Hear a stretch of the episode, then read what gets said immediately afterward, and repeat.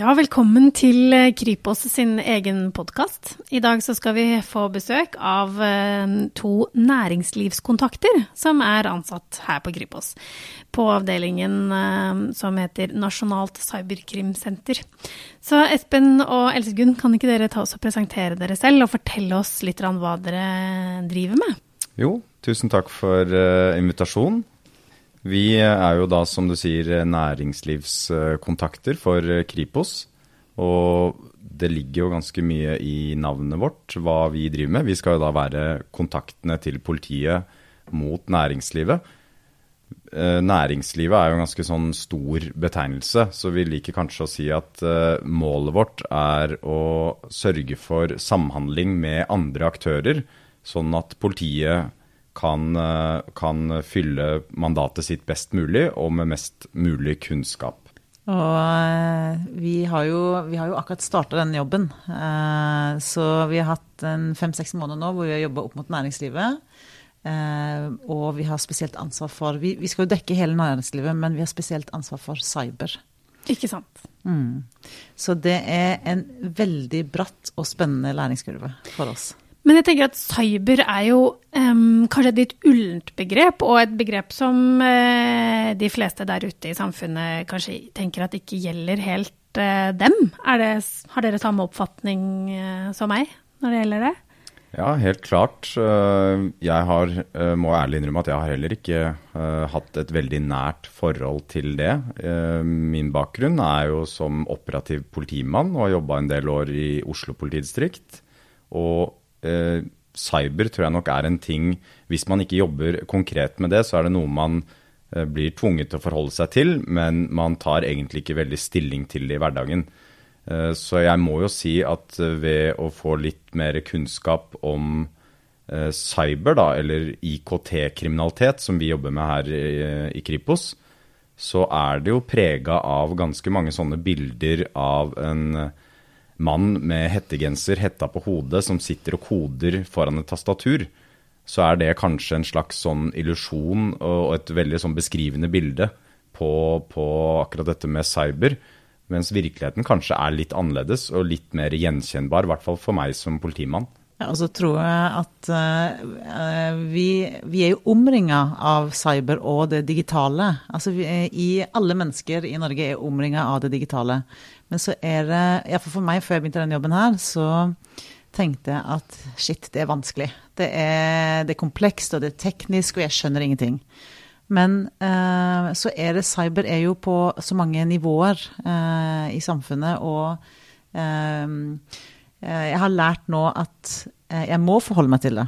Eh, fordi at eh, hverdagen vår er avhengig av det digitale. Og verdikjedene eh, som samfunnet på en måte Hvordan vi bygger opp samfunnet i forhold til det digitale, er så komplekse at vi må faktisk forholde oss til det digitale og cyberverden. Ikke sant. Det, det, høres jo litt skremmende ut på en måte også, men, men en, en, trøst da er jo det at vi har fått et nasjonalt cyberkrimsenter som ligger under Kripos. Ehm, som er et særorgan i, i politietaten. Ehm, hva er, det, hva er det Nasjonalt cyberkrimsenter driver med? Nei, det driver jo med eh, politiarbeid på helt lik linje som alle andre ting. Eh, det er jo ikke sånn at, eh, at eh, cyberkriminalitet er unik i den forstand. Det er jo eh, ofte definert som kriminalitet hvor man enten benytter noe digitalt for å begå kriminalitet, eller at det foregår på det digitale domenet. Men vi har jo mye som er eh, hvor deler av kriminaliteten utføres eh, på f.eks. en digital plattform. Så det er jo en, en, god overgang mellom kan du si, det digitale og analoge. da. Det ser vi f.eks. på, på uh, sedelighetskriminalitet, da, mm. hvor man F.eks. at det begås et overgrep som fysisk skjer, men hvor kanskje materialet, eller la oss si et filmmateriale, blir delt uh, over internett senere. Mm. Uh, og der ser du jo den, den overgangen da, mellom det analoge og digitale, hvor begge deler er kriminalitet. Ok, Så jeg forstår det riktig, så driver Nasjonalt cyberkrimsenter med, med flere ulike kriminalitetsformer, eh, hvor det er et eller annet digitalt eh, element? i Ja. det? Ja. Men i hovedsak er det jo da uh, trusler og, og, og økonomisk kriminalitet, uh, som profittbasert kriminalitet som foregår på, på det digitale plan, da. Skjønner. Har du noe å tilføye der, eh, Nei, altså vi, mm, vi jobber jo veldig mye med datakrim. Eh, og det som Espen sier, at eh, eh, vi eh, Det er økonomisk drevet. Eh, og kriminelle gjenger de flytter seg fra De flytter seg til der de kan få penger. Eh, Så da går de fra det analoge nå til det digitale. Så vi ser at det er som en eh, vanlig eh, narkogjeng, håper som har sine strukturer, og de er organisert. Og vi ser at det digitale, eller datakrim, blir mer og mer eh, likt andre typer organisert kriminalitet. Okay. Så det flytter seg fra det analoge til det digitale. Men jeg syns det er vanskelig å se for meg hvilke konsekvenser denne type kriminaliteten kan få for meg, da. Som, eh, som kvinnen i gata, holdt jeg på å si. Eh, har dere noen eksempler på hva datakriminalitet eller dataangrep kan føre til? Ja, det finnes jo flere kjente eksempler på virksomheter, uten at vi trenger å gå i, i detaljer på virksomhetene. Men det er jo helt åpenbart at Norge ligger ganske langt fremme i, i digitaliseringen.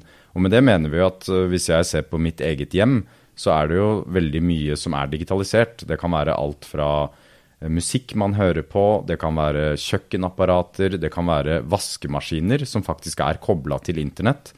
Og det at vi eh, digitaliserer, gjør jo at vi også blir mer sårbare.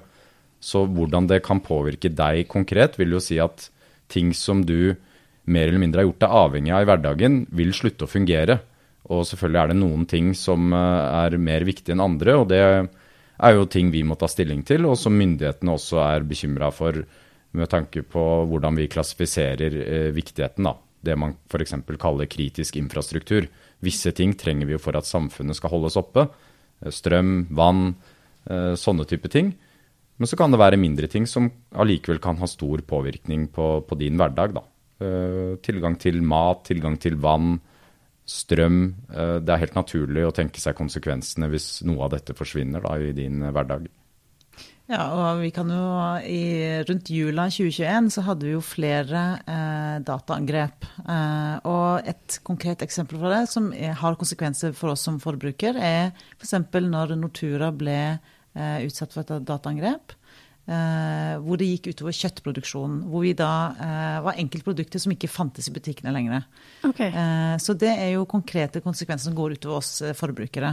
Eh, som, eh, fordi at eh, samfunnet henger sammen. Eh, eh, og eh, det digitale fører til at eh, det blir mye mer komplekst. Og det blir, hvis én ting blir utsatt for noen ting, så eh, blir resten av verdikjeden også eh, Det blir trøbbel i den resten av verdikjeden, da. Jeg skjønner, men hva er Du nevnte det kanskje litt i stad, Esken, men motivasjonen hos den kriminelle aktøren her, da? Hva er, det, hva er det det Hvorfor skal de ødelegge for oss? Hvorfor skal de sørge for at ikke vi får ribbe til jul eller ikke har eh, dekning på mobilen? Nei, det er eh, drevet av eh, det som er veldig ofte motivet for kriminalitet. Profitt. Eh, Og det gjør jo uh, at det er gjenkjennbart for meg som uh, tidligere i min karriere har jobba med uh, f.eks. narkotika. Hvor jeg kjenner igjen motivet og driverne for å, å begå den type kriminalitet. Hvor man kanskje ikke nødvendigvis baserer kriminaliteten sin på offeret eller hvordan det rammer, men at det første uh, insentivet for å begå kriminaliteten er for å berike seg selv.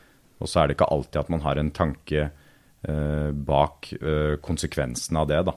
Det er ikke dermed sagt at om du skulle da bli utsatt for, et, for datakriminalitet, Mari, så vil ikke det si at det sitter en annen person i andre enden og ønsker deg alt vondt. I hovedsak så er det jo det at den personen ønsker dine verdier og din, å berike seg selv. Ikke sant?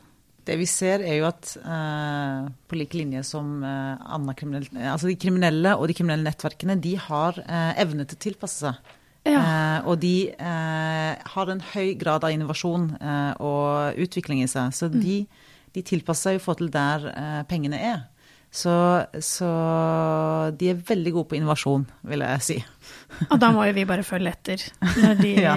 begynner å bli veldig gode på det. Fordi det jeg lurer litt på, er jo hvordan, hvordan er det de angriper? Hva, hva er, hvordan er det de klarer å komme seg inn hos disse virksomhetene og aktørene som blir utsatt, da? Nei, Det er forskjellige grunner til det. Det kan være sårbarheter man har eh, i sin eh, digitale infrastruktur.